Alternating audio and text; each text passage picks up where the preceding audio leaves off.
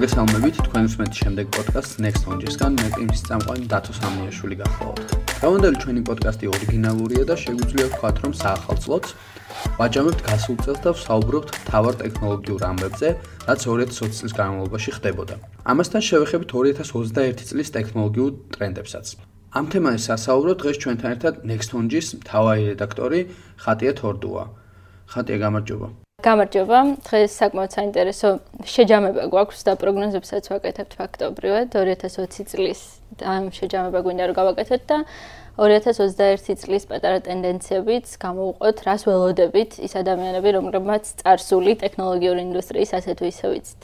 კი, იმიტომ რომ საკმაოდ რთული წელი იყო, მაგრამ რო გადახედო 2020 წელს ძალიან ბევრი ას ტექნოლოგიური სიახლეები მოხდა, მოიხსნა სხვა შეიძლება ბევრი სოფლიო რეკორდიც. აა რაღაც თითქმის ყველა სფეროში რაღაც სიახლე ხდებოდა ამ ხრივ, ხო? კი, კი და სხვადასხვის მახსენდება რა იყო 2019 წლის თავარი მოლოდინი 2020 წლიდან. მაშინ ვამბობდით, როცა 2019 წელს ვაჯამებდით და რაღაც მოლოდინებს ვამჟღავნებდით, რას ველოდით 2020 წლისგან. ვამბობდით, რომ 5G იყო ის თავარი ტექნოლოგიური მოვლენა, რომელსაც უნდა დავლოდებოდით 2020 წლისგან. და ნუ ასეც მოხდა პრინციპში, მაგრამ მაშინ ვამბობდით, რომ 5G შეცვლის იმას თუ როგორ მუშაობთ, თუ როგორ სწავლობთ, როგორ ვარჯიშობთ, როგორ მოგზაურობთ და ასე შემდეგ. ესეთი დაპირება ჰქონდა ამ ტექნოლოგიას, თუმცა ისე გამოვიდა, რომ 2020 წელს ხვარამემ შეცვალა ეს ყველაფერი და ეს იყო პანდემია. და 5G-მ ის შესაძლებლობები ზუსტად პანდემიისგან გამომდინარე ბოლომდე ვერ გვაჩვენა, რაც ჰქონდა ამ ტექნოლოგიას ჩვენ ყოველდღიურობაზე ის გავლენა ვერ მოახდინა, რომელიც შეიძლება და მოახდინა, თუმცა ამას ველოდებით უფრო 2021 წლისთვის. აა კი ბატონო, თუმცა იყო რაღაც ტექნოლოგიები, რაც შეიძლება ითქვას, რომ აა ზუსტად ამ პანდემიის გამო უფრო დიდი ყურადღება მიექცა და რაღაცნაირად უფრო გამithარდა კიდევაც, ხო? ну ერთ-ერთი არის მაგალითად ვირტუალური რეალობის ტექნოლოგიები, რომლებიც აა ბევრად უფრო დაგვჭირდა, ბევრად უფრო დავინახეთ მათი საჭიროება და ძალიან ბევრ სფეროში, ესე ვთქვათ, ინტეგრირდა, კიდევ უფრო ბევრ სფეროში ინტეგრირდა, გაირო ავიღოთ მაგალითად შეიძლება იყოს ეს როგორც თამაშების კუთხით, ასევე რაღაც live event-ების კუთხითაც ადამიანმა დაიწყეს ვირტუალურ მოგზაურობაც კი ხო? რაღაც კი კი სხვათა შორის ხო აი ზუსტად აი ამ ტექნოლოგიურმა პროდუქტებმა გადაგვეტანინეს პანდემია და ის გარკვეული აა სენტიმენტები შეგვივსეს რომლებიც უკავშირდებოდა თუნდაც მოგზაურობას, სეირნობას, სირბილს ურთიერთობებს და ასე შემდეგ, ხო? და ეგ იყო ზუსტად ეგ არის ალბათ ერთ-ერთი თავარი აქცენტი, რისი დასმას ტექნოლოგიების მიმართულებით შეგვიძლია 2020 წელს, რომ აა ფაქტობრივად რომ არა ტექნოლოგიები ჩვენ ამ კრიზისს ესე ვერ გავუმკლავდებოდით, კიდევ უფრო მეტ სამუშაო ადგილს დავკარგავდით. ვიდრე დავკარგეთ, ხო? სიცოცხლესაც ალბათ ადამიანების სიცოცხლესაც. რა რა თქმა უნდა, თავისთავად ძალიან ბევრი ისეთი მედიცინაშიც არის ინტეგრირებული ტექნოლოგიური პროდუქტები და სხვათა შორის, როცა ვსაუბრობდით 5G-ის გააქტიურებაზე, ტელემედიცინის კუთხით ძალიან მნიშვნელოვანი არის 5G-ის გამოყენება, არსებობა ზოგადად ჩვენ სივრცეებში იმის იმ კუთხით, რომ შევძლოთ სხვადასხვა პროცესის მართვა, ტელემედიცინის გააქტიურება, დისტანციური ოპერაციების ჩატარება, სხვადასხვა ვირტუალური ესე ვთქვათ, ვიზიტების დაგეგმვა ექიმთან და ასე შემდეგ, რაც ასე ძალიან გვჭირდებოდა პანდემიის დროს, როცა ფიზიკური კონტაქტი არც ისე სასურველი იყო ხოლმე. კი ბატონო და ამ ხრივ გართობაც მნიშვნელოვანი იყო, იმიტომ რომ ადამიანები რაღაც ჩაკეტილები აღმოჩნდნენ და ამ ხრივ ძალიან მნიშვნელოვანი იყო, რომ რაღაც მრავალფეროვანი სინე ნახა დრითაც გაერთობოდნენ ადამიანები, მაგალითად კონცერტებზე სიარული იქნებოდა ეს თუ რაღაც აი მაგალითად რეპერი ტრევის სკოტმა ესეთი რაღაც უცნაური რაღაც გააკეთა Fortnite-ში, გამართა live კონცერტი თავისი და რეკორდი მოიხსნა ძალიან ბევრი ადამიანი დაესწრო ამას ვირტუალურად და ძალიან დიდი გამოხმაურება ჰქონდა ამას. ბევრმა უკვე და დაიწყო ამის გამეორება კიდევაც რამდენიმე არტისტი აა ცდილობს ამის ხარჯზე გახდეს დაჟე პოპულარული, იმიტომ ნაკლებად ცნობილმა არტისტებმა რომ ჩაწერს ამას იმხელა გამოხმაურება ქონდა, რომ თვითონ რო ეცადათ სხვა პერიოდში შეიძლება მათ კონცერტზე ბევრი ნაკლები ადამიანი მისულიყო და ეხა უფრო მეტი მიდის ესეთ კონცერტებზე, ხო? სხვა შეიძლება შეიქმნა პლატფორმებიც, სადაც ის ეს პლატფორმები უზრუნველყოფენ კონკრეტულად რომ ესა თუ ის ივენთი გამართოს და აორგანიზონ და არა მარტო კონცერტები შეიძლება დაბადების დღე გადაგიხადონ კი ხო არა მხოლოდ კონკრეტულმა არტისტებმა რომლებმაც ფაქტობრივად შემოსავლის წყარო დაკარგეს იმ კუთხით რომ რაღაც დაგეგმილი ტურნეები ასე შემდეგ მოუწიათ რომ გადაედოთ კლუბებმაც კი მიმართეს ამ ხერხს და აკეთებდნენ ხოლმე რეივებს ონლაინ რეივებს. ამ ხრივ არის ძალიან საინტერესო უშუალოდ კომპიუტერულ თამაშებიც რო ახსენოთ, იმიტომ რომ ამ იზოლაციის პერიოდში ადამიანებს უფრო მიეზავნენ და დაიწყოთ შორის აი ეს PlayStation 5 რომ გამოვიდა, რეკორდი მოხსნა უკვე გაყიდვების, იმიტომ რომ როგორც ჩანს ადამიანები რაღაც სიახლეს ელოდნენ ამ ხრივ და ეს არის რაღაც ერთ-ერთი ის რითაც რაც პანდემია, არას პანდემია არ უშიშ ხო ხელს და რაღაცნაირად უფრო უცხობს კიდევაც ხელს, როდესაც სახში ხარ იზოლაციაში, უფრო თავისუფლად შეგიძლია კომპიუტერულ თამაშებს დაუთმო დრო და ეს თვითონ PlayStation 5 არის მართლა ესე ვთქვათ, ყველაზე მძლავრი კონსოლია, რაც აქამდე ყოფილა, როგორც სიმძლავრით, ისევე გრაფიკის ხარისხით. ა ის არის რაღაც როგორც 4K-ზე, 8K-ზე, 8K ხარისხზეც არის, ესე ვთქვათ, ადაპტირებული. შეგიძლია ამ კუთხითაც გამოიყენო, ჯოისტიკები დაემატა რაღაც განსხვავებულია სრულად ორიგინალურია, რო შეადარო მაგალითად ძველ ჯოისტიკებს. აა გეგონება რომ ცოტა სხვა კომპანიამ გამოუშვაო რაღაც დონეზე იმდენად დახვეწილი. ნამდვილად მე მახსოვს რომ ჯერ ჯოისტიკის შესახებ გავიგეთ საერთოდ PlayStation-ის გამოსვლის კუთხით და ძალიან უკვირდათ გეიმერებს, რომ ძალიან განსხვავებული დიზაინი იყო. და ზოგადად მიუხედავად იმისა, რომ ძალიან ბევრი ანუ პროდუქტი, ტექნოლოგიური პროდუქტის გამოშვება გადაიდო, შეფერხდა და ასე შემდეგ, PlayStation-იც რამდენჯერმე გადაიდო პრეზენტაცია, თუ გახსოვს, მიუხედავად ამისა, მაინც მოახერხა Sony-მ და გამოუშვა ეს კონსოლი და რაც გეიმერებისთვის ძალიან სასიხარულო იყო და ნუ გარდა ამისა კიდევ იყო ეგეთი წარმოდგენა საზოგადოებაში ისევ ცოტა უფრო სოციალური მიმართულებით რა შევხედოთ ამას, რომ პანდემია პირიქით ხელშემწყობი იყო ინტროვერტებისთვის და გეიმერებისთვის, პროგრამისტებისთვის და ასე შემდეგ. ადამიანებისთვის, რომლებსაც ისედაც სამუშაო კომპიუტერებთან ჰქონდათ, ხო? თუმცა, ნუ მიუხედავად ამისა, მაინც ამ ამ ადამიანებისთვისაც რთული იყო ფსიქიკურად ამ ყოველფრისგან, ხო? ძალიან ბევრი ისეთი ადამიანი იყო ჩემი ნაცნობიც კი, რომელიც ამბობდა რომ ინტროვერტი ვარო, მაგრამ აღმოაჩინეს რომ თურმე არ ყოფილან, იმიტომ რომ ვერ უძლებენ ამ გარემოს და ბევრი აღიარებს კიდევაც რომ თურმე არ ყოფილვართ ინტროვერტიო, ასე რომ ესეთი გადაფასებაც მოიტანა ამან შეიძლება ითქვას. ხო აი კონსოლზე რომ ამბობდი და ჯოისტიკებზე მანდ არის ძალიან ერთი ახალი თავარი განსხვავება ჩემი ეს ახალ ახალ ჯოისტიკს და წინა ჯოისტიკებთან შორის, იმიტომ რომ აქამდე თუ იყო რაღაც ვიზუალ ესე თქვა ხმა ხმა ქონდა ამ წინა ჯოისტიკს ხმას გამოსცემდა, ხო? და ვიბრირებდა. ეხლა როგორც ამბობენ, ეს ჯოისტიკი არის ბევრად უფრო ბევრად უფრო მეტ სენსორი აქვს, უფრო ის არის, რა ქვია, ქსნობი არეა და როდესაც მაგალითად პერსონაჟი ქვიშაზე დადის, ამას ფაქტიურად ჯოისტიკით ხსნობს. ხო, ტაქტილური ისინი აქვს უფრო შეგრძნების იმეები, რაც ნამდვილად ინოვაცია და რაც ნამდვილად სხვაგვარი თამაშების შექმნისკენ მოუწოდებს დეველოპერებს ერთგვარად, იმიტომ რომ PlayStation 5-ის თამაშების სხვა სტანდარტია და შესაბამისად შესაბამისი თამაშების შექმნაც გარკვეულ ახალ გამოწვევებთან გამკლავებას მოითხოვს ალბათ. კი და 10 ჯერ არის სიტყვაზე მაგალითად გრაფიკული პროცესორი 10 ჯერ უფრო გაძლიერებულია და ნუ ეს რაღაც სავარაუდოდ კი არა და ძალიან მაღალ გრაფიკაზე საუბრობენ, იმიტომ რომ ზომითაც ძალიან დიდია რა. დამბოს უკვე სატო ამ სიგზე. იმიტომ რომ ძალიან დიდი მონაცემებია შეგნი. აა ნუ დისტანციაზე ვსაუბრობთ ხო რეალურად და იმაზე თუ ადამიანები სიტყვაზე როგორ როგორ გამოწვევებს გამოწვევებს წინაშე არიან. ამ ხრივ ძალიან ბევრი ადამიანი დაზარალდა, შეიძლება ითქვას, თუმცა Zoom-ი არის კომპანია, რომელიც აა ცუდად ჭერს, მაგრამ ხო ანუ ძალიან ბევრი რაღაც მოიგო ამით, ხო? იმიტომ რომ კომპანია რომელსაც ფაქტიურად არაფერი არ იცოდნენ, ძალიან ბევრი ადამიანი იყო, რომელსაც არც იცოდა Zoom-ის არსებობა და დღეს მე მგონი, რომ აღარ დარჩა ეს ადამიანი, ძალიან ცოტა ალბათ, ვინც ვინც ინტერნეტს იყენებს, თითქმის ყველას მოუწევდა, რომ ქონოდა შეხება Zoom-თან, ხო? კი ბატონო, აი აი დასაწყისში ვთქვით, რომ პანდემიამ შეცვალა ის თუ როგორ სწავლობთ და მუშაობთ და როგორ ვარჯიშობთ და ასე შემდეგ და ეს მოახერხა ისეთი ვიდეო კონფერენციების პლატფორმების დახმარებით, როგორც არის Zoom-ი, როგორც არის Google Meet-ი, როგორც არის Facebook-ის Messenger Rooms-ი, რომელიც შემდეგ წამოეწია ამ ყველაფერს, მაგრამ მაინც ვერ ესე ვთქვათ, გაუწია კონკურენცია Zoom-ს, რომელიც ჩვენს ყოველდღიურობაში ესე სწრაფად შემოიჭრა და ყველამ გაიგო მის შესახებ. რო ვთქვათ დეკემბერში 2019 წლის დეკემბერში Zoom-ის ყოველდღიური მომხმარებლების რაოდენობა იყო ძალიან ცოტა, როგორც თვითონ ამბობენ, იყო 10 მილიონი და ძირითადად იყო კორპორატიული მომხმარებლები.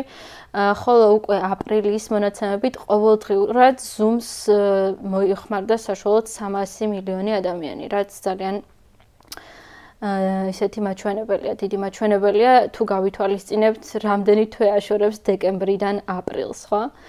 აა შესაბამისად, კი ძალიან გაიზარდა ამ პლატფორმის მოხმარება და შემდეგ თვეებში უფრო მეტად გაიზარდა. და მას მოიხმარდნენ როგორც მასწავლებლები და მოსწავლეები, ასევე სტუდენტები და ლექტორები, თუ სამსახურები, რომლებიც თათვირებს Zoom-ით ატარებდნენ და მეტიც კონცერტებსაც ატარებდნენ ხოლმე Zoom-ით.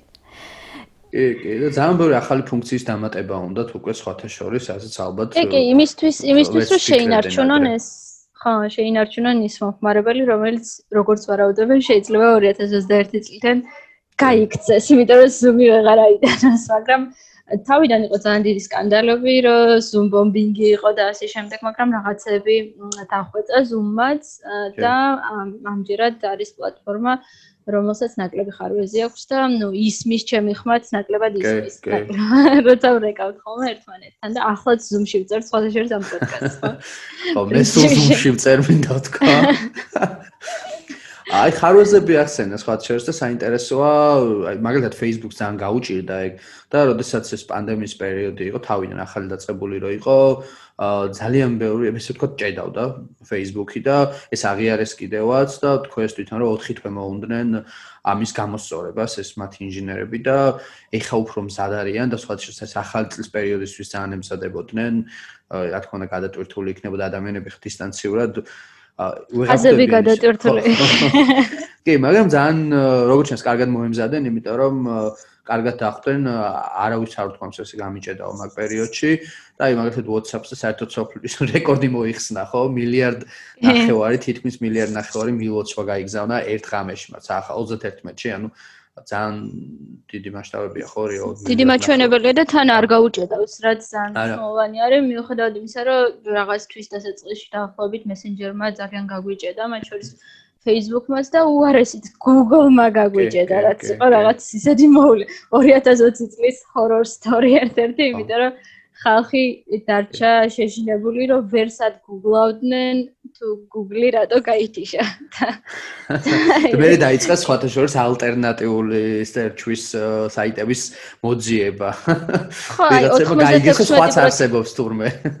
ხო, არა და ძალიან მონოპოლია აქვს Google-ს ამ ბაზარზე 96% უჭირავს და ახლობებით და სხვა პლატფორმებს დანარჩენი შეგიძლია წარმოიდგინო, რომ ადამიანების უმეტესობას წარმოადგენაც კი არა აქვს, რომ საძიებო ფუნქცია შეიძლება Google-თან არ ასოცირდებოდეს და ისე სადმე არსებობდეს ვებში რამე ხო?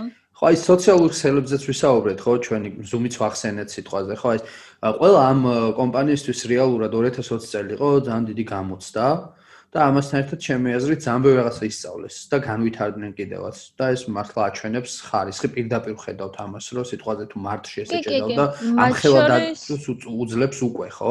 შეიძლება ითქვას რომ 2021 წელს უკვე ბევრად უფრო მომზადებულები იქნებიან, ხო და უფრო განვითარებულები არიან. სხვათა შორის ესეთი ეს პროცესი დაწყებული იყო, რომ ეს კომპანიები უფრო მოძლიერებულიყვნენ იმდენად, რომ სხვადასხვა სერვისის გაციფრულება უპრობლემოდ შეძლებოდათ.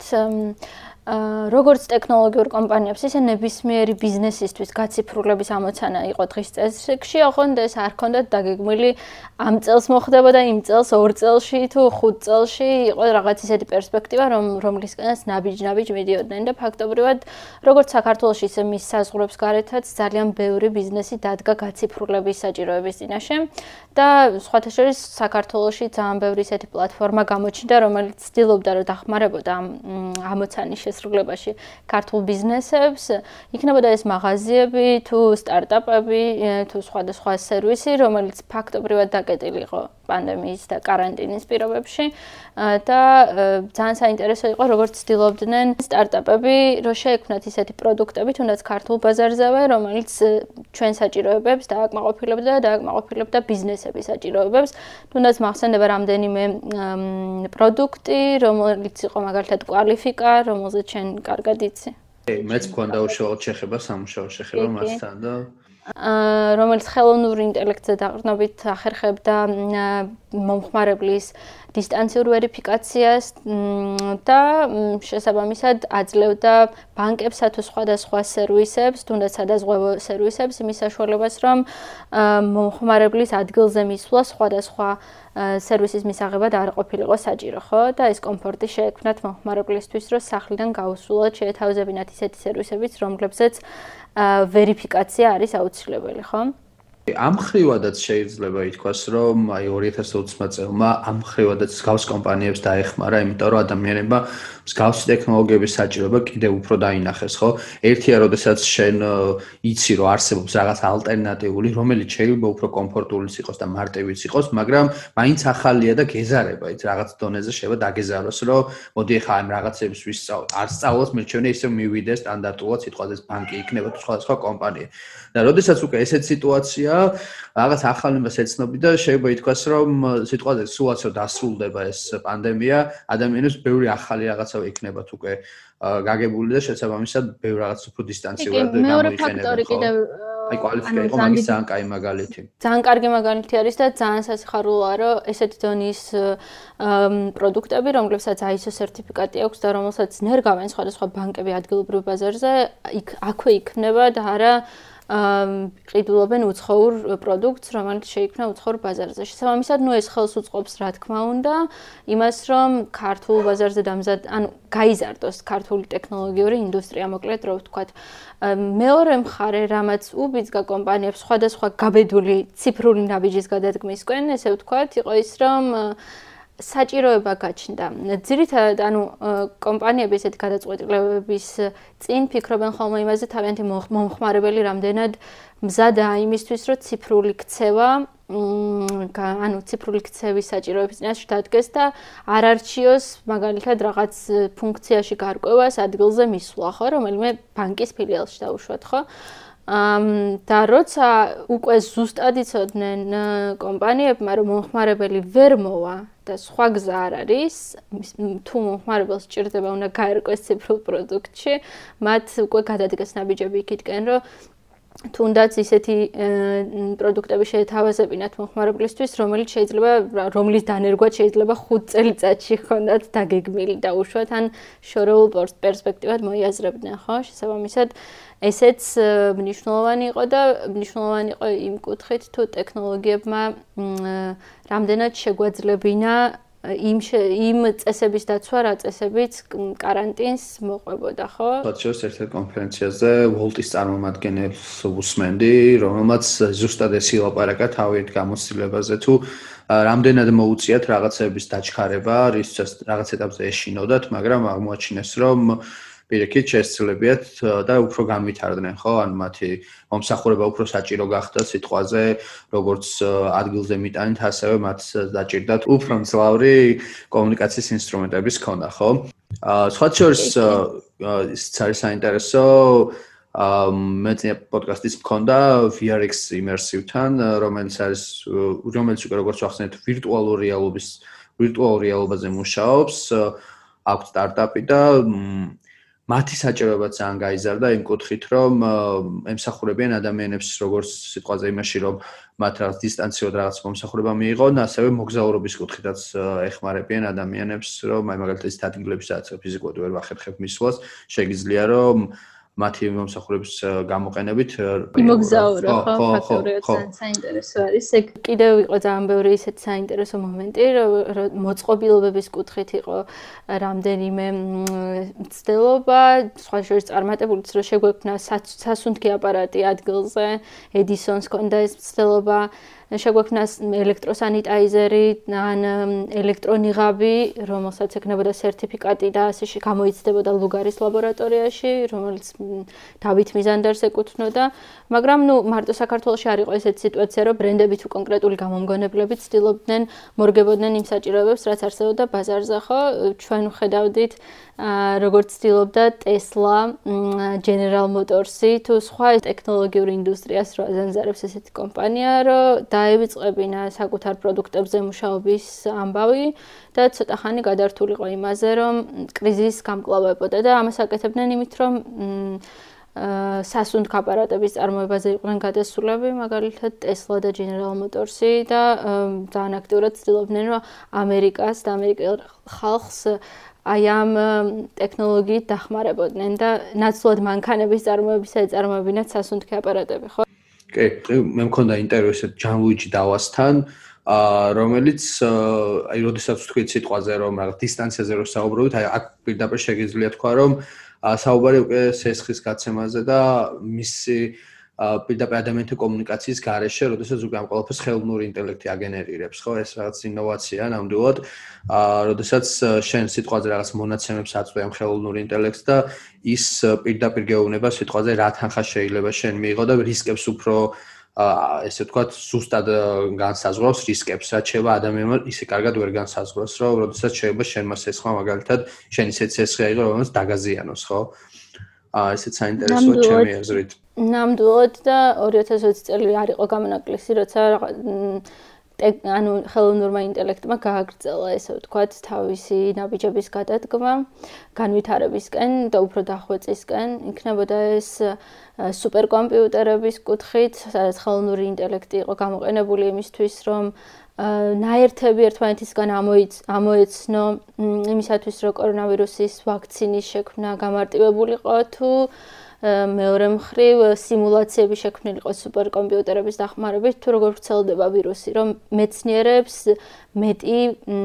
ცოდნა ჰქონოდათ და იმ მოცულობის მონაცემები დაემუშავებინათ რომელსაც ადამიანი ფიზიკურად ვერ ასდროს ვერ დაემუშავებდა ხო შესაბამისად ხელოვნური ინტელექტის როლი ვირუსთან ბრძოლაში ძალიან დიდი იყო და დიდი იყო სხვა მიმართულებებშიც, ხო? ნამდვილად, აი მაგალითად DeepMind-ის შემთხვევა ახსენიშნავ ამ კუთხით, რომ ისეთი პრობლემა გადაჭრა, რასაც მეცნიერები რაღაც 50 წლის განმავლობაში ცდილობდნენ რომ გამკლავებოდნენ და ერთ დღესაც გაიღვიძეს და აი რაღაც ამხელა ამხელა შედეგი იყო. თვითონ აი ამ კვლევაში ვინც იღებდა მონაწილეობას ეს მეცნიერები აღიარებდნენ რომ მათ არ ეგონა თუ საერთოდ მათ ცხოვრების განმავლობაში ამხელა ნახტომს მოესწრებოდნენ და აქ საუბარი არის უშუალოდ ცილაზე, ცილის სტრუქტურის განსაზღვრაზე, იმიტომ რომ ცილის სტრუქტურის განსაზღვრა არის ძალიან რთული, ძალიან კომპლექსური და ну აქამდე ამას შეიძლება დაჭირვებოდა რამდენიმე აი მაგალითად შეიძლება ხაწერილიყო ეს რაც ერთი მას დაგვირება ერთი წელიც კი. და ძალიან დიდ თანხებთან იყო დაკავშირებული და აი ეს DeepMind-ის ესე ვთქვათ სუპერკომპიუტერი შეუძლია რომ რაღაც რამდენიმე დღეში განსაზღვროს ეს და ძალიან იაფია და ანუ აი ამ ხრივ არის სამნიშნულოვანი, იმიტომ რომ ამაში ბიოლოგიაში საერთოდ გადატრიალება გამოიწვიოს, როგორც მედიკამენტების დამზადებით კუთხით, ასევე ისეთი პროდუქტების დამზადებით, რომელზეც როგორც თვითონ მეცნიერები ამბობენ, წარმოდგენაც კი არ გვაქვს ჯერ საერთოდ, ანუ საუბარი ისეთ ისეთ დონე მასშტაბებზე არის საუბარი რა. რაც მქონია რომ თვითონვე აი ამ პროექტში ვინც იღებდა მონაწილეობას აღნიშნეს რომ ხელოვნური ინტელექტს ამ ხელა მნიშვნელობის პრობლემა ჯერო არ გადაუჭრიაო და ბოლომდე ვერ ვიაზრებთო ჯერ კიდე რასთან გვაქვს საქმეო და ნახოთ რა იქნება. ამ ხრივ ვარაუდობენ რომ კორონავირუსის კუთხითაც შეიძლება იგივე ამის გამოყენება. იმიტომ რომ აი ეს ვირუს ვაქცინები რაც შენ ახსენე ხო? ზუსტად იმ პრინციპზე ამ ცილებზე არის ცილების სტრუქტურის პრინციპზე არის აქედან გამოდის შეიძლება ითქვას და პირდაპირ არის დაკავშირებული ეს იმიტომ რომ შეიძლება სიტყვაზე უკვე 2020 წელსში ეს პრინციპი აი ამ კუთხითაც გამოსცადო. ის ახალისო ციტო ხელოვნურ ინტელექტზე, მასაც დავამატებ, მინდა რომ თქვას. ეს არის, როდეს აი მაგალითად რო საუბრობთ ხოლმე ტერმინატორზე, ხო, ან სკაინეტზე, როდესაც ხელოვნური ინტელექტი კი, კი, ანუ სამეცნიერო ფანტასტიკაში ძალიან აქტუალურია ეს და არა მარტო სამეცნიერო ფანტასტიკაში, ხო, ადამიანებს სერიოზულადაც ეშინიათ ამის. არა მარტო ისე რა ისე ვთქვათ, ჩაობრივ მოქალაქეებს აი ხო მასკიც ამბობს ხოლმე ხშირად ხო რომ საშიშია ძალიან ხელოვნური ინტელექტი და ნუ ამ რაღაც ზუკერბერგსთან მას შევას რაღაც დაპირისპირებაც მოხდა ამ კუთხით ხო? ხო აი ასეთ პრობლემა რო არის რომ ადამიანებს რო ქვეშინია რომ ხელოვნური ინტელექტი აი რაღაც ხვალ გვიჯანყდება ესე ვთქვათ და გაგვანადგურებს ან რაღაც რაღაც რაღაცა მეცნიერება დაიწყეს ამაზე ფიქრი და შეიმუშავეს სპეციალური ნეირონული ქსელი ეს არის რაღაც ესე ვთქვათ ხელოვნური ინტელექტის ნეირონული ქსელი რომელიც მსგავსებულია რაღაც დონეზე ადამიანურს ანუ ამ ამ პრინციპებზეა დაყრდნობილი და მუშაობს ესე რომ ის თავის თავს განსაზღვრავს. ანუ ის გეუბნება რაღაც დონეზე და კიდე მომავალში და უფრო ზუსტად გეტყვის, რამდენად შეუძლია და რამდენად ასავრე სანდოა. რამდენად სანდოა ის, რომ შენ მაგალითად რაღაცა ანდო რა. ნუ აი სკაინეტის შემთხვევაში ტერმინატორში სკაინეტი ამ პრინციპზე რო პრინციპზე რო ემუშავა, ადამიანებს ეთყოდა, რომ აი ეს ატომური შეერგება მე არ უნდა მანდოთ. და რო არ ვარ არ ვარ მე სანდო ესე. და ესე თქვა გადარჩებოდა. მე ჩემი მენდო ესე. აი ზუსტად ზუსტად და აი ეს რაღაც დონეზე უკვე ჩაატარეს ეს ტიკულები და ლევები და აი ხელნურ მეტექმა რაღაცებზე უთხრა რომ მოდი მე ნუ მენდობით, იმიტომ რომ ეს კარგად არ ვიცი. და ეს როგორ შეიძლება ხა საუბრობთ რაღაც დაახლოებით ისეთი რამე არის, ხო? დაახლოებით ისეთი რამე ექიმთან რომ მიდიხარ და ჩემი პაციენტი არ ხარ რა ექიმ გეუბნება. დაახლოებით გულწრფელი ექიმი რო გულწრფელი ექიმი როცა არის და სულ არის ხოლმე განხილვის საგანი რომელ ტექნოლოგიურ კონფერენციასაც არ უნდა დავესწროთ, სადაც არ უნდა წავიდეთ და რაც არ უნდა წავიკითხოთ, ყველგან არის ეგ დილემა თუ რამდენად შეგვიძლია ვენდოთ ხელოვნურ ინტელექტს და პასუხი ყოველთვის არის უნდა ვენდოთ ხელოვნურ ინტელექტს, მაგრამ არ ვენდოთ ადამიანებს, რომლის ხელშიც შეიძლება იყოს ხელოვნური ინტელექტი, ხო? ხანდახან ადარებენ ხოლმე ჯერჯერობით საკმაოდ უსაფუძვლოდ, მაგრამ მაინც ადარებენ ხოლმე ბირთვულ იარაღს, რომელიც ზოგი ისეთი სახელმწიფოს ხელში არ ამოსაც არ უნდა ვენდოთ, მაინც და მაინც. და მოკლედ ხელოვნურ ინტელექტსაც ადარებენ იარაღს, რომელსაც რომლის მიმართულებაც და რომლის მიზანიც დამოკიდებულია იმაზე, ვის ხელშია ის. იგივე deepfake ტექნოლოგია ავიღოთ, რომელიც ასევე ხელოვნური ინტელექტია, ხო? შეიძლება ვიღაცა იყენებდეს იმისთვის, რომ რაღაც ახალისო ვიდეოები გააკეთოს და ვიღაცა იყენებდეს იმისთვის, რომ დეзинფორმაცია გაავრცელოს, ხო? ორი ხელია მარცხენა და მარჯვენა და ვინიცის რომელში უჭირავთ ეს. ხო აი სხვათა შორის ეხა გამახსენდა ერთი მოთხრობა აქვს Heinleins ესეთი სადაც ერთი პერსონაჟი სულ რაღაც ორგვერდიანი მოთხრობა და ესეთი ორი ადამიანი ზის საუბრობენ რაღაცაზე და და ეს საუბრის თემა არის ზუსტად ატომური შეიარაღება და რამდენად საშიშია რომ სიტყვაზე ვიღაც სახელმწიფოს კონდეს ეს. ან კიდეც ხელოვნური ინტელექტს ჩაუბაროთ რაღაც, ხო? და ამ დროს ერთი პერსონაჟი ეძახის 3 წლის ბავშვს და ხელში აძევს დატენილ იარაღს. და ეს ბავშვი ვერ ხვდება რა არის ეს იარაღი და ესე მოძრაობს რა და ის კაცი რა თქმა უნდა შეიშლება და გაგიჟდება და ითქვის რომ ასაკეთება შენ შულს რატო აძლევ ამ იარაღს ხო და ნუ მე ეს კაცი უხსნის რომ აი იგივე სიტყვაზე ხელოვნური ინტელექტისთვის ან სახელმწიფოს რომელიც შეიძლება იყოს საში აი ეს ამხელა შეიარაღების ჩაბარებაო ესეთი რაღაცაო მან არიწისო ამხელა ძალაქვს და როდის გაისვლისო რა და მოუგებს ესე ვთქვა ამ კამაც. რამდენად შეიძლება რომ ვენდოთ ხელოვნური ინტელექტს ან ისეთ სახელმწიფოებს რომლებიც საჭიროა. ბირთვული იარაღს ფლობენ. ხო. ხო, პრინციპში ბირთვული იარაღიდან შეგვიძლია იმაზე გადავიდეთ, თუ როგორ იყენებენ აა ბირთვულ ტექნოლოგიას ენერგიებისთვის, ხო? კი, კი, კი, კი. აა მაგრივაც შეიძლება ითქვას, რომ 2020 წელი აა კარგი წელი იყო მაგ კუთხით, შეგვიძლია ვთქვათ. აა იმიტომ რომ ამ ბირთვული ენერგიის, ესე ვთქვათ, და სინთეზის აა კუთხით სამხრეთ კორეამ სამხრეთ კორეულმა ხელოვნურმა მზემ, ეგრეთ წოდებულმა ხელოვნურმა მზემ ახალი მსოფლიო რეკორდი მოხსნა, საუბარია 100 მილიონი გრადუსი ტემპერატურა შეინარჩუნეს 20 წამის განმავლობაში, აქამდე მსოფლიო რეკორდი იყო 8 წამი.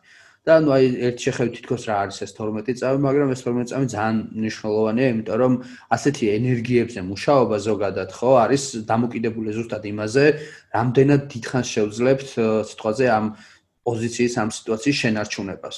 თუ რაც უფრო დიდხანს შევძლებთ, შესაბამისად უკვე შევძლებთ უშუალოდ რომ რაღაც ყოველდღიურობაშიც კი გამოვიყენოთ აა მსგავს ტექნოლოგიები. უფრო სტაბილური გავხედოთ, ხო რა? რა თქმა უნდა და ეს ეს ხო, რა თქმა უნდა, ეს ენერგიის დონეზე, ანუ როგორც ცივილიზაციას საერთოდ სხვა ეტაპზე აიყვანს, ჩვენ რომ ამის გამოყენებას აქტიურად შევძლოთ, იმიტომ რომ ფაქტიურად უსაზღვრო ენერგია გვექნება, წარმოიდგინე გვექნება ა ის ენერგია რაც მზის ენერგია ხო? რომელიც მზე წარმოებს აი იგივე თერმობირთული რეაქცია მინდიდა სამ რეაქტორებში რაც მზეში და ცოტა რთული წარმოსადგენი ადამიანებში, რომ დედამიწაზე შეიძლება ეს მზე გქონდეს, მაგრამ რამდენიმე გვაქვს უკვე. და სხვათა შორის, აი მაგაზე ეს არის რაც თქვი სამხრეთ კორეაში 100 მილიონი გრადუსი 20 წამის განმავლობაში, მაგრამ აი ზუსტად წლის ბოლოს ჩინეთმაც ამუშავა თავისი როგორც თვითონ ძახიან უმძლავრესი მზის რეაქტორი, ან და ეს საერთოდ ადის 150 მილიონ გრადუსზეა საუბარი აქ უკვე და აა ეს არის მზის საწუნო არის თუ არა რთული სათქმელი ალბათ ჩინეთის შემთხვევაში მაგრამ არ ვიცი ხო ყოველ შემთხვევაში ძალიან დიდი ფული აქვს ამაში ჩადებული და ითვლება რომ ყველაზე მძლავრი მართლა ამათი იქნება ხო ისე როგორც კვანტურ კომპიუტერში რომელიც კი კი კი ყველაზე ესეთი ის არის ამ შემთხვევაში რომ გინდა 150 იყოს 100 იყოს ხო საუბარი რომ მზის ბირთვზე აა 10 ჯერ ნაკლები ტემპერატურა ვიდრე აი ასეთ ესე ვთქვათ მზის რეაქტორებში, ხელოვნურ მზის რეაქტორებში. ამიტომ ძალიან დიდ მასშტაბებზეა საუბარი, ძალიან დიდ ენერგიაზეა საუბარი, მთავარი ახლა ამის შენარჩუნება შევძლოთ და იგივე სამხრეთ კორეაში ვარაუდობენ, რომ რაღაც ესე ვთქვათ, საბოლოო მიზანი აქვს, რომ რამდენიმე წელიწადში ეს შენარჩუნება იყანოს 300 წამზე და ამობენ რომ ამის შემდეგ უკვე სერიოზულად შეგვეძლება ვთქვათ, რომ შეგვიძლია ესეთი მასშტაბური ენერგიის გამოყენება როგორც ცივილიზაციას. სხვათა შორის ჩინეთში სხვა კუთხითაც კონდეთ რაღაც ისეთი მასშტაბური ძალიან მნიშვნელოვანი წინსვლები ტექნოლოგიური კვანტურ კომპიუტერებს ეხებოდა და ჩინელი მეცნიერები ამტკიცებდნენ რომ შექმნეს ყველაზე მძლავრი კვანტური კომპიუტერი ასე ხომ დაყოფილა კი და ამბობენ რომ აქამდე ყველაზე მძლავრი იყო Google-ის და ამბობენ რომ მასე ძალიან ბევრად ძლიერია და 10 მილიარდჯერ უფრო სწრაფიაო ამბობენ წარმოიდგინე ჯერ Google-ის კონტროლი. ხო, რაღაც ძალიან რთულად დასაჯერებელი. მე 10 მილიარდ ჯერ კიდე უფრო ძლიერი და მეტიც შეგვიძლია უფრო მასშტაბებზე ავიდეთ, ტრილიონებზე ვილაპარაკოთ, იმიტომ რომ მათი ესე თქვა კვანტური კომპიუტერი სუპერკომპიუტერზე 100 ტრილიონჯერ უფრო სწრაფია. ოღონდ რა თქმა უნდა აქ საუბარი არ არის ზოგადზე, იმიტომ რომ ეს კვანტური კომპიუტერები ძირთადად იქნება იმის რომ რაღაცა ერთი კონკრეტული მიზანი აქვს და ამაზე არიან ორიენტირებული, მან შეიძლება ელემენტარული რაღაცასაც ვერ გაართვას თავი.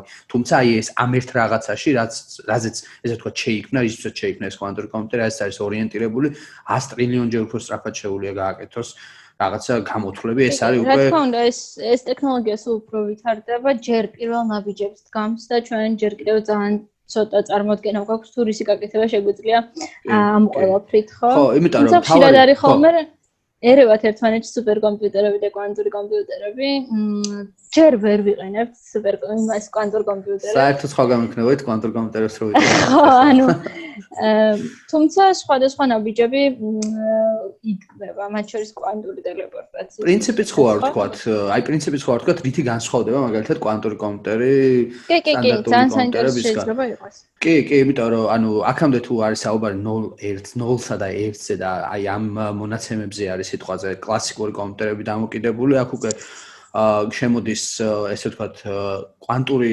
განუსაზღვრელობის ელემენტი კვანტურ კომპიუტერებსაც შეეხება და არის ეს კუბიტები, სადაც ესე ვთქვათ ერთდროულად შეუძლიათ მათ სხვადასხვა პოზიციაში ყოფნა. ანუ სიტყვაზე თუ რაღაც ლაბირინთს ადარებენ ხოლმე ამას რა, როდესაც სიტყვაზე კლასიკურ კომპიუტერმა რაღაცა ამოცანა უნდა ამოხსნას, ხო, ლაბირინთში ნახულობს სხვადასხვა გზებს.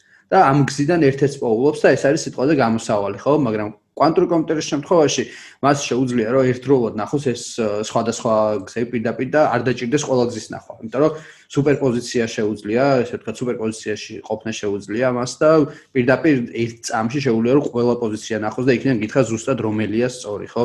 აი ეს რაღაც მაქსიმალურად გამარტივებული ენით რო ვთქვათ, რაღაც დაახლოებით ესეთ პრინციპი. სხვა შორის აი ეს პრინციპი მახსენებს DeepMind-ის ახალხელოვნური ინტელექტს, რომელმაც თამაშის წესები არ იცის წინასწარ, მაგრამ ეგრევე სწავლობს, როგორც კი დაიწყებს თამაშს. ამ შემთხვევაში ეხება ჭადრაკს ძირითადად და ეგ არის ძალიან საინტერესო, რომ ზუსტად მსგავს სტრატეგიას იყენებს. ოღონდ რა თქმა უნდა, ეს გაცილებით პატარა მასშტაბებზე შეგვიძლია გავავრცელოთ ეს ამბავი, რომ ესეც 2020 წელს შეიქმნა DeepMind-მა საკუთარი მაჩვენებელი გაუმჯობესა, მოკლედ და ისეთი ხელოვნური ინტელექტი შექმნა, როგორც არ შეუქმნია აქამდე. და მოკლედ რო ვთქვათ, პრინციპი ესეთი არის, რომ ადამიანივით ამ ხელოვნური ინტელექტს შეუძლია ის ორიენტირდეს პრობლემის გადაჭრაზე და არა იფიქროს სხვა ისინი ვარიანტები გააანალიზოს რა. მაგალითად ადარებენ ხოლმე ესე რომ მაგალითად როცა ჩვენ გარეთ ვიყურებით დილით და ვნახულობთ ცუდამინს ჩვენ არ ვფიქრობთ კონდენსაციაზე, არ ვფიქრობთ იმაზე, თუ როგორ წარმოიქმნებიან ხრუბლები და ასე შემდეგ, ვფიქრობთ იმაზე, რა ჩავიცვათ და ეს არის ჩვენი უფრო პრაქტიკული მიდგომა ამ საკითხის მიმართ, რომ არ დავსვოლდეთ. აა დაახლოებით იგივე რაღაცას აკეთებს ეს ხელოვნური ინტელექტი, საზღვრავს იმას, თუ რა ჯობია გააკეთოს და რა ყველაფერზე ერთად არ ფიქრობს, მოკლედ რო ვთქვათ. მაგარია. აა შენ ახსენეს ხო შორს კვანტური ტელეპორტაციაც, როდესაც კვანტურ კომპიუტერზე ვლაპარაკობდით და მე მგონი შეგვიძლია რომ ზუსტად მაგაზეც გადავიდეთ, იმიტომ რომ ესეც მგონია, პირადად მე მგონია რომ ერთ-ერთი ყველაზე მნიშვნელოვანი, ესე ვთქვათ, აა სიახლე იყო, იმიტომ რომ ამან შეიძლება მიგვაახლოს კვანტურ ინტერნეტთან, რაც აი რო საუბრობთ 5G-ზე. წარმოუდგენელი შესაძლებელი, შესაძლებელი. საერთოდ სხვა რაღაცა იქნება, ხო, იმიტომ რომ ახალ კომპიუტერების ქსელები იქნებიან ერთმანეთთან დაკავშირებული და ანუ მათ შეიძლება ინფორმაციის ერთდროულად გაცვლა, კოლოსალური ინფორმაციის ერთდროულად გაცვლა. Ну, რა ვიცი, ანუ ვერ ვიტყვი ხა მე როგორ შეიძლება იყოს ეს ეს ამ ინტერნეტის სიმძლავრე, ხო? და რა რანაირად მოხდა ეს ყველაფერი, ალბათ ეგეც საინტერესო იქნება. საუბარია კვანტურ ტელეპორტაციაზე და აქაც ისე შემოდის ესე ვთქვათ კვანტური გადახლართულობა, ჩახლართულობა. ეს და ეს არის ხო, როგორც არის ეს ბერნერდი ძახიან ამას, იმიტომ რომ მართლა ისეთი რაღაცაა, რომ როცა ამას საუბრობ, ან twin გეხლართება რაღაც დონეზე, იმიტომ რომ როდესაც კვანტურ სამყაროზე საუბრობთ, იქ მაკრო სამყაროს აღქმები და აა ესე თქვა წესები აღარ მოქმედებს. იქ არის რაღაც ესეთი სიტუაცია, რომ სუპერპოზიცია როგორც უკვე ვახსენე, სადაც ატომებს შეუძლიათ მაგალითად ერთდროულად სხვადასხვა ადგილას ყოფნა და ასევე ისინი შეიძლება იყვნენ დაკავშირებულები, ესე თქვა იმ გადახლართულობით ერთმანეთთან. და აი ზუსტად ამ э, კვანტურ გადახლართ ამ გადახლართულობას იყენებენ ხოლმე, როდესაც ცდილობენ რომ ერთი ნაწილაკი, რომელიც საერთოდ სხვაგან არის, მეორე ნაწილაკთან დააკავშირონ და ამჯერად э, ესე ვთქვათ, ეს э, მანძილი იყო 44 კილომეტრი, როდესაც წინა იყო 6 კილომეტრი. ხო, 6 კილომეტრი იყო წინა და ამ ესეც რეკორდია ფაქტობრივად. კი, სოფლიო რეკორდია ნამდვილად და ბევრად უფრო დიდი, ისე ვით, 6-დან 44 რაღაც ძალიან დიდი ციფრია. აა ნამდვილად. და რო წარმოვიდგინოთ ხო რაღაცნაირი საფუძველია იმისთვის, რომ კვანტური ინტერნეტი გქონდეს და რაღაც ეგეთ წარმოდგენა მაქვს მაგ თემაზე, რომ შეიძლება ახლა ვიდეოზარით რომ ვსაუბრობთ ერთმანეთთან კვანტური ინტერნეტის გამოყენების შემთხვევაში ისეთი შეგრძნების, ყნოსვის და სხვადასხვა დონეზე შეიძლება იყოს ისე თითქოს პირისპირ ვხედვართ და ვლაპარაკობთ ამ ყველაფერზე, არა და რეალურად არ ვიყოთ ეს და იმავე ადგილას. მოკლედ ამის თქვა მინდა, რაღაც ტექნოლოგიები არის, რომლებიც ცდილობს ვირტუალური შეხების, ყნოსვის და სხვადასხვა ესე ვთქვათ შეგრძნება უზრუნველყოს, მაგრამ кванტური ინტერნეტით ეს ამ ყველაფრის ერთდროულად გადაჭრა არის შესაძლებელი ფაქტობრივად და ძალიან დიდი შესაძლებლობა, რომელიც სავარაუდოდ 2021 წლისთვის ნამდვილად არ ველოდება, მაგრამ უფრო მომავალში აუცილებლად. კი, მაგრამ ანუ რეალურად აი შორეულ მომავლიდან რო გაიხსენებენ, საერთოდ სხვა ცივილიზაცია შეიძლება ითქვას სხვა სახეობების რო იყვნენ, იტყვიან რომ აი 2020 წელს მაგალითად აი ისტორიაში ჩაიწერება რომ 2020 წელს რაღაც პირველი საწყისები იყო ამ კუთხით რა. მე მგონია რომ აი ესეთი დონის მნიშვნელოვანი რაღაცები რაც ვისაუბრეთ. ხო, ალბათ Nextongy-ზე წაიკითხავენ აფროდიას, სადაც ქრიტერია რომ რეის რეკორდი დამყარდა და ჯერ კიდევ როდის იცოდნენ, ესე იყავენ მომავლის ამბებია. ჩვენ შთამომავლები. მანამდე კი 2020-ში ისეთი პრობლემები გვექნებოდა, როგორც არა მხოლოდ ჩვენ ცოტა მოკვდავდა ჩაულებრივ ადამიანებს, არამედ მათ შორის Apple-მაც კი გადადო iPhone-ის გამოშვება, იმის სექტემბერში უნდა გამოიშვათ და ოქტომბერში გამოუშვეს, იმის გამო რომ პანდემიამ ამბობდნენ პირდაპირ ხელი შეუშალათ საწარმოო პროცესში და როგორც უკვე ვთქვით, სხვადასხვა პრეზენტაციას ესე ვადევნებდით თვალს, თუმცა Apple-ისთვის სხვა რაღაცაც მნიშვნელოვანი წელს. ეს არის საკუთარ პროცესორებზე გადასვლა ხო? კი კი კი ანუ შეიძლება ითქვას რომ Apple ყოველს უნდოდა Apple-ს რა ქონდა თავისი პროცესორი თუმცა აქამდე არ ქონდა და Intel-ზე იყო ამ კუთხით დამოკიდებული და აი რაღაც წელს შექმნეს თავისი პროცესორი, რომელზეც როგორც თვითონ ამბობენ, არის ბევრად ბევრად მძლავრი იქნება და თვითონ ეს კომპიუტერები იქნება თუ მობილურები იქნება, მათი პროცესორი უფრო ძლიერი იქნება და პირდაპირ შეიძლება იყოს ეს დაკავშირებული მაგალითად უშუალოდ კომპიუტერის გამძლეობის კუთხითაც, სიტყვაზე უფრო ნაკლები, უფრო მალე და სტრაფის და ასე შემდეგ ყველა კუთხით, როგორც ამობენ, ეს ყველა კუთხით გააუმჯობესებსო. ა მაგალითად ამბობენ რომ მანქანური დასწავლის ფუნქციითაც 11ჯერ უფრო აჩქარებული იქნება წინა ვერსიებთანო. და რა ვიცი, ანუ ეს ერთ დღეში ნამდვილად ვერ მოხერხდება ბოლომდე განთავისუფლება ინტელისგან, მაგრამ ალბათ რამდენიმე თვეში უკვე თუ ეს ყველაფერი ესე თქვა გამართლა. სრულიად დამოუკიდებლობას მიაღწევენ. ტიმ კუკი ამბობდა თუ სწორად მახსოვს რომ დაახლოებით 2 წელი დაგჭირდება იმისთვის რომ სრულად საკუთარ პროცესორებზე გადავიდეთო და ნახოთ რამდენად იქნება ეს ესე ვთქვათ რეალური პროგნოზი თუმცა ნუ Apple-ზე კიდევ ის მახსენდება 2020 წლიდან რომ პანდემიასთან ბრძოლაში ისიც იყო ჩართული რაღაც სხვადასხვა აპლიკაციების, კამპანიების თუ ასე შემდეგ კუთხით, როგორც ყველა პასუხისმგებლიანი და დიდი ბრენდი, რომელიც შეიძლება წარმოვიდგინოთ როგორც ტექნოლოგიური ისე სხვა ინდუსტრიაში და რაღაც ძალიან მნიშვნელოვანიც მოხდა ამ კუთხით. გულისხმობ Apple-ის და Google-ის თანამშრომლობას. გაერთიანდნენ, რომ შეექმნათ ისეთი API, რომელიც შეძლებდა კორონავირუსის კონტაქტების ტრეკინგს რა ერთგვარს და თავიანთ ოპერაციულ სისტემებში iOS-ში და Android-ში ჩააშენეს ეს ფუნქცია, რომ სხვადასხვა ქვეყანაში სხვადასხვა შორის უკვე იყენებენ ამ ფუნქციას და ეს დაიწყო დაახლოებით აპრილში ეს თანამშრომლობა, რომელიც ზოგისთვის ძალიან გასაკვირი იყო, რომ ეს კონკურენტი კომპანიები პანდემიამ გააერთიანა ერთი პროდუქტის შესაქმნელად და ძალიან საინტერესო შემთხვევა იყო. შესაძლოა Apple-ის და Google-ის დეველოპერებს ერთად მუშაობის შესაძლებლობა აღარ ქონდეთ, მანამდე რო არ ქონდათ, ვიცით, მაგრამ აცი ერთი პროდუქტის შესაქმნელად აღარ ქონდეთ შეიძლება და ამ ხრივაც ტექნოლოგიური ინდუსტრიისთვის საკმაოდ საინტერესო იყო 2020. იმიტომ რომ რაღაც ადამიანებთან ერთად ზოგადად ეს ინდუსტრიებიც რაც გააერთიანა რაღაც ერთი პრობლემის წინაშე შეგვიძლია ვთქვათ. აუ მე ხა გამახსენდა თამაშებზე ვისაუბრეთ უკვე, მაგრამ უცებ გამახსენდა აი Google-ის და YouTube-ის რაღაც ურთიერთობაზე გამახსენდა მოკლედ Google-ის და YouTube-ის ურთიერთობა, როდესაც მათ შეძლეს აი სტადიას მომხმარებლები ვინც არიან, შეძლებენ რომ კომპიუტერული თამაშები თავიანთ თამაში, ესე ვთქვათ, პირდაპირ ტრანსლება მოახდინონ YouTube-ზე.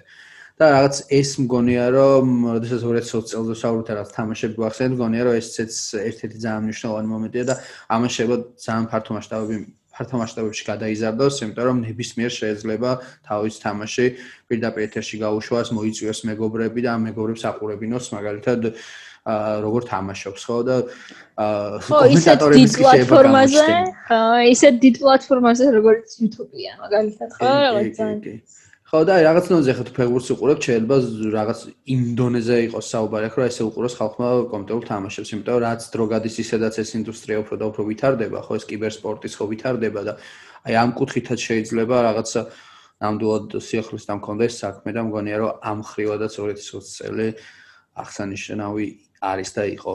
კი, კი, ძალიან. სხვადასხვა ისიც უნდა ვთქვათ, რომ ერთი კიდევ ერთი მიმართულებით არის აღსანიშნავი. ეს ეხება Neuralink-ის პრეზენტაციას.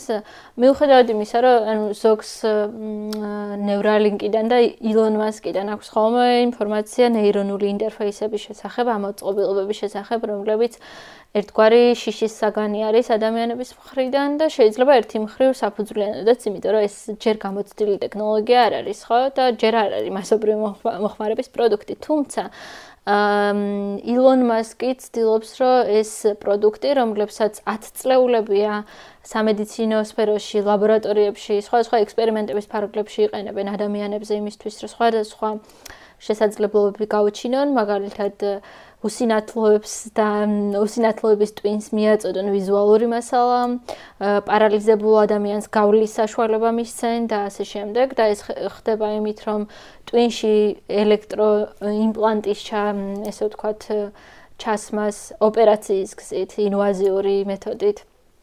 შეგიძლია იმ დღესვე წამოხვიდეს ჩაგიმონტაჟე მე მოდიხარ ეგრევე კი ანუ ეს ამ შემთხვევაში სხვა რამეს სხვა რამეზე ვამბობ მაგრამ ილონ მასკი ცდილობს რომ ეს ყველაფერი გაამარტივოს და აქციოს ზუსტად ეგეთ ერთდღიან პროცედურად. ხო როცა მიხვალ რობოტი, რომელიც ასევე პრეზენტაციაზე წარადგინა ილონ მასკმა, ამ ყველაფერს გაგიკეთებს და წამოხვალ და შეგეძლება გონებით მართო სხვადასხვა მოწყობილობა. იქნება ეს კომპიუტერი, შენი smartphone, მანქანა, Tesla, მათ შორის და სხვა რამე, ხო? ჭკვიანი სახლის მაგალითად. ჭკვიანი სახლი, შეგეძლება გაიფიქრო, რომ ფანჯარა დახურო და დაიხურება ფანჯარა, რომ წარმოედგინო ესეთი რამე. ტელეპათები რო გავხდეთ რა ფაქტიურად. ხო, სხვადასხვა ძალიან ბევრი თეორია არსებობს ამაზე, რომ შესაძლოა ამან გამოიწვიოს, რომ ტელეპათიის ნიჭი განკვევითარდეს და ერთმანეთთან საერთოდ შეიძლება ხო? ხო, დაგვაკავშიროს და საერთოდ ხო ვიცით რომ ენა და ზოგადად ლაპარაკი ან ენა ენის სტრუქტურა ძალიან გსხუდავს სხვადასხვა რაღაცის გამოხატვაში ხო? გვიჭირს ხო? აზრე გვიჭირს ხო? აზრების გამოხატვაშიც და ვიზუალურ გადმოცემაშიც და ასე შემდეგ. მოკლედ რო ვთქვათ, საბოლოო ჯამში ფიქრობენ რომ მსგავსი იმპლანტებით შეგვეძლება ერთ კიბორგებად ვიქცეთ ერთი მხრივ და კომუნიკაციის რაღაც ახალ ეტაპზე გადავიდეთ, ხო ალბათ. კომუნიკაციის ახალ ეტაპზე, რომელიც უსიტყვო კომუნიკაციას მოიცავს და გადასცემს ზუსტად იმას, რაც ხდება შენს ტვინში, დაუშვათ ემოციების დონეზე, შეგრძნებების დონეზე, თუ წარმოსახვის დონეზე. თუმცა მეორე მხრივ ამ ტექნოლოგიის განვითარებასთან ერთად რა თქმა უნდა უნდა დაგვიწოდეს რომ ჩნდება უსაფრთხოებასთან დაკავშირებული აა ესე ვთქვათ დილემები და საკითხები და შესაბამისად როგორც მაგალითად კომპიუტერულ პროგრამებს გაუჩნდა დროთა განმავლობაში მისაჭიროება რომ უსაფრთხოების ეს ანტივირუსები რაღაცები გქონოდა იგივე რამე შეიძლება მოხდეს რომ იმისათვის რომ ტვინი არ დაგვიჰაკონ ესე რა ვთქვათ საჭირო იქნება რომ რაღაც თავდაცვის მეთოდებით გქონდეს. კი, კი, ეგეთი რაღაცები ყოველთვის იყო ტექნოლოგიებზე, აი მაგალითად მანქანის მომენტი ავიღოთ, თორე მანქანა ისეთ რაღაც გქონია დღეს, რომ რაღაც დაჭდა წავიდა, ხო? მაგის garaშე ვეღარ მიდივართ იმ მანძილზე, მაგრამ მანქანები ახალი გამოსული რო იყო, ეს იყო რაღაც სტატიებიც კი მაქვს წაკითხულ ძველი, რომ ანუ პირდაპირ აკრიტიკებდნენ ამას, ეს არის ძალიან საშიში და არ შეიძლება სწორად ამით მოძრაობა, იმიტომ რომ ვერ ხვდებოდნენ როგორ შეიძლება სწორად ეს რაღაც მექანიზმზე რო ზიხარ და არეგულირო მოძრაობა. და პირდაპირ იყო დაკავშირებული ეს იმასთან, რომ ანუ ეს წარმოუდგენელია ეს მოძრაობის დარეგულირება და ეს გამოიწვევს ძალიან დიდ უბედურებას, მოკლედ დამთავრდება რაღაც ძალიან დიდი კოლაფსით. თუმცა ეხლა საერთოდ უკვე ტელევიზორზეც გვახსოვს რომ რაკეშმაკის ფოთია ოიძახდნენ და ელექტროენერგიაზე ამბობდნენ რომ ხალხის დასახოცად არის ისე როგორც 5G-ზე ამბობდნენ წელს რომ ეხაც ამბობენ კი ხო ახლაც ამბობენ ამ ყველაფერს რაც ერთი მხრივ გასაგებია მაგრამ მეორე მხრივ გაუგებარია გაუგებარია იმ ინფორმაციის ეპოქაში როცა შეგვიძლია თუმცა ამას თავისი ფსიქიკური საფუძვლები აქვს და რომ რომელზე საუბარიც ახლა ჩვენ თვალსაჩინო ხდება ხო შესაბამისად. კი. ხო ანუ ეგ არის ზოგადად ინტერნეტის ეპოქის მომენტიც აი როდესაც შენ გაქვს უსაზღრო ინფორმაციაზე მიგიწვება ხელი ეს ინფორმაცია არ შეიძლება იყოს შეიძლება იყოს სულაც სტარი ხო? არ არის აუცილებელი ყველაფერი ზუსტი ინფორმაცია იყოს და პირიქით შეიძლება უფრო მეტი მცდარიც იყოს და შესაბამისად ადამიანები ანუ რაღაც დონეზე დაუცველებია ამ მასიური ინფორმაციის წინაშე და მედია ციგნიერების გამოწვევის წინაშე ვდგავართ 2020-ში ძალიან წვავედ ვნახეთ თუ სახლებში ჩაკეტილმა ინტერნეტთან დარჩენილმა ადამიანებმა როგორ დაიჯერეს შეთქმულების თეორიები 5G-სთან თუ ვაქცინებთან დაკავშირებით თუ იმასთან დაკავშირებით რომ Bill Gates-ი ჩიპავს ვინმეს და შესაბამისად ხო რთული არის ძალიან იმის განსაზღვრა სად არის სიმართლე იმ ადამიანებს ჩვენი გამოწვევაა შეიძლება ითქვას პირდაპირ ჩვენ გვეხება რაღაც დონეს. აა აი ილონ მასკზე რო საუბრობდით, მასკს არა მარტო სიტყვა ნეუროლინკის კუთხით მოღვაწეობს აქტიურად კოსმოსის კუთხითაც ბევრს უფრო მაგასთან არის დაკავშირებული ხო რაღაც მარსის კოლონიზაციასთან. რაღაც მისი რაღაც ძალიან დიდი ოცნებაა ეს. და ამ კუთხით SpaceX კონდა წლევანდელ წელს რაღაც სერიოზული პროგრესი, იმიტომ რომ შეიძლება ითქვას, რომ ამერიკელები რაღაც აღარ არიან დამოკიდებული რუსებზე, ეს რაც თავით რაკეტის აფრენის კუთხით და ამასთან ერთად კოსმოსზე აღარ არიან. ხო ამდულად აღარ არიან და ამასთან ერთად შეიძლება ითქვას რომ ეს რაღაც მრავალჯერადი რაკეტის მოხმარებით მრავალჯერადი რაკეტით ადამიანები გაუშვით უკვე კოსმოსში და ეს რაკეტა ჩვენ დაბრუნდა უკან უპრობლემოდ რაც მგონია რომ ასევე აღსანიშნავია და რაღაც სამნიშნავანი პროგრესია ამ კუთხით ხო როგორც კოსმოსის ათვისების მხრივ. ისიც უნდა ვთქვათ, რომ ეს ასტრონავტები, რომლებიც მიფრინავდნენ პირველად პილოტირებული ფრენის ფარგლებში კოსმოსში, ორკვირიან каранტინში იყვნენ იმისთვის, რომ იქ საერთაშორისო კოსმოსურ სადგურზე კორონავირუსი არ წაეღოთ ხო მინიმუმ. და რამენაირად იქაც არ გავრცელებულიყო პანდემია, რომელიც კოსმოსში კორონა. თუმცა სანამ პანდემია დაიწყებოდა მანამდე რაღაც ისეთ საინტერესო სიახლეები გქონდა რობოტიკის კუთხით, სხვათა შორის, რომელიც ეხებოდა ოფლ მდინარე რობოტებს, ესე ვეძახი ხოლმე. ნებისმიერ მას მოყვება ხოლმე ერთგვარი გადახურება ჩვენს კომპიუტერებზეც ვიცით რომ რაღაც ლეპტოპებზეც რომ კულერი რო არ კონდეს ან რაღაცა ძალიან გადახურდება ხო? როცა ძალიან ისე ამუშავებთ. შესაბამისად იგივე გამოწვევის წინაშე დგანან ხოლმე რობოტებიც რომლებსაც ესეთ პატარა კულერებიც უყენიათ ხოლმე იმ შემთხვევაში თუ გადახურდებიან რომ არ გადაიწვან ხო? რადგან ჩვენგან განსხვავებით მათ ოფლის გამოყოფა არ შეუძლიათ ხო? ასეთ შემთხვევაში ჩვენ გვაქვს ძალიან ესეთი კარგი ფუნქცია რომელსაც ოფლის გამოყოფა ქვია ხო უფრო განვითარებული და ძალიან გვიცავს ხო ძალიან ბევრი ისეთ ამინდში დაუშვათ. თუმცა იგივე ფუნქცია გაუჩნდათ 2020 წელს რობოტებსაც, უბრალოდ ეს რობოტიკა მიულოცოთ, შესაძლებელი გახდა, რომ გადახურების შემთხვევაში რობოტმა ოფლი გამოყოს. თუმცა რა თქმა უნდა ეს ჯერ ძალიან საცდელი იყო და რაღაც რამდენიმე რობოტის რამდენიმე თითზე გამოსცადეს. ეს ერთგვარი ბჭყალებში რო ვთქვა საოფლე ჯირკვლების ამბავი. თუმცა წარმატებით და რამდენიმე მკვლევარი ვარაუდობს რომ შეიძლება რობოტიკაში ეს მეთოდი დაინერგოს როგორც ერთ-ერთი რომელიც იქნება რობოტების გადახურებასთან ბრძოლის ადამიანისეული ვერსია. სხვა შეიძლება ძალიან ხშირად არის ხოლმე რომ ბიოლოგიურ ორგანიზმებს რობოტიკაში იყენებენ შთაგონებისთვის, ინჟინრები, იმისთვის რომ სხვადასხვა ბუნება კარგი ინჟინერი არის და შესაბამისად მისგან მაგალითის აღება რობოტიკასაც გამოსდის ხოლმე. ეგ ძალიან მაგარია, იმიტომ რაღაც დონეზე თუ იძახიან, რომ სიტყვაზე ადამიანები ისე უფრო უფრო მსგავსებითო სიტყვაზე რობოტებსო ან რაღაც კიბორგ კიბორგები გავხდებითო, რაღაც დონეზე ხედავთ, რომ რობოტები კიდე ადამიანებს მსგავსებიან, ამიტომ რაღაც უფრო რაღაც მშვიდობიანი სინთეზისკენ მივდივართ ჩემი ეს ვიდრე რაღაც კონფლიქტს. დავიმსგავსეთ, ხო? და ძალიან საინტერესო იყო რობოტების კუთხით Boston Dynamics-ი, ძალიან ჩემი საყვარელი კომპანია არის, რომელიც რობოტებზე მუშაობს. მიუხედავად იმისა, რომ მათი რობოტძაღლი სპოტი ძალიან ბევრ ადამიანს შეშფოთებას იწვევს ხოლმე, იგივე Black Mirror-ის გამო, იმიტომ რომ რობოტძაღლია. აა თუმცა 2020 წელს გადაწყდა, რომ ეს ძაღლი შეიძლება გაემგზავროს მარსზე. როვერების გვერდით და უფრო ისეთი ადგილები იკულიოს და ძალიან საინტერესო არის მართლა ამ მიმართულებით რობოტიკა როგორ ვითარდება და კოსმოსის ათვისებაში რა თქმა უნდა როგორ ერთვება ხო? ისევე როგორც ჩვენ გვერდით მუშაობის კუთხით ჩვენ ვნახეთ ძალიან ბევრი შემთხვევა როცა რობოტები მედპერსონალს ეხმარებოდნენ კორონავირუსით დაავადებული პაციენტების მოვლასა თუ ასე ვთქვათ ინფორმირებაში ხო? სხვადასხვა ადგილას იყო ესეთი შემთხვევა. მათ შორის ბოსტონის ერთ-ერთ საავადმყოფოში იგი სპოტი რომელზეც საუბრობდი ეხმარებოდა ექიმებს რომ პაციენტები მიეღოთ და შესაბამისად რაღაც კორონავირუსის პანდემია იქცა ერთგვარ ესე ვთქვათ საწყისად როცა რობოტები ჩვენს ისეთ საერთო სივრცეებში რეალურად გამოჩნდნენ და რეალურ დავალებებს გაუმკლავდნენ. მაგალითად, რაღაც каранტინის პირობებში საკვების დარიგებას. მათ შორის რასაც უფრთხოდნენ ადამიანები იმისთვის, რომ კორონავირუსი არ გადასდებოდათ, ხო? რაღაც მსგავს რაღაც სუპერმარკეტებშიც გამოჩნდნენ ხო ადამიანებს მაგიოდ რომ მუშაობდნენ. რომ მექანიზირებული იყო და ამ ამ ხრივადაც შეიძლება ითქვას, რომ კორონას სიტუაციაში რაღაც გამოგვადგა ამხრივად ეს ხო გამოგვადგინეს.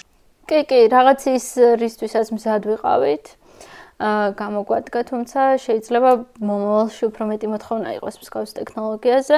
მათ შორის საქართველოსიც იყო რამდენიმე შემთხვევა და საერთაშორისო ბაზარზეც ბიზნესების ნაწილმა, ოღონდ ცოტა არატრადიციული რობოტები გამოიყენეს, რომლებიც პროგრამული უზრუნველყოფის სახით არიან უფრო ვიდრე რაღაც ფიზიკური რობოტები და პროცესების რობოტიზაცია, რასაც ქვია, ამაში გამოიყენეს და ისეთ რუტინულ საქმიანობებს ჩამოაშორეს თანამშრომლები, როგორიც შეიძლება იყოს დაუშვათ ერთი და იმავე რაღაც საკითხზე ვიღაცისთვის პასუხის გაცემა ან ერთი და იმავე ოპერაციის დათვლა ან ესეთი რამე, რასაც ხელით აკეთებდნენ ადამიანები და ამასაც ვარაუდობენ, რომ 2021 წლისთვის ამ პროცესების რობოტიზაცია კომპანიებში იქნება ერთ-ერთი ტრენდი.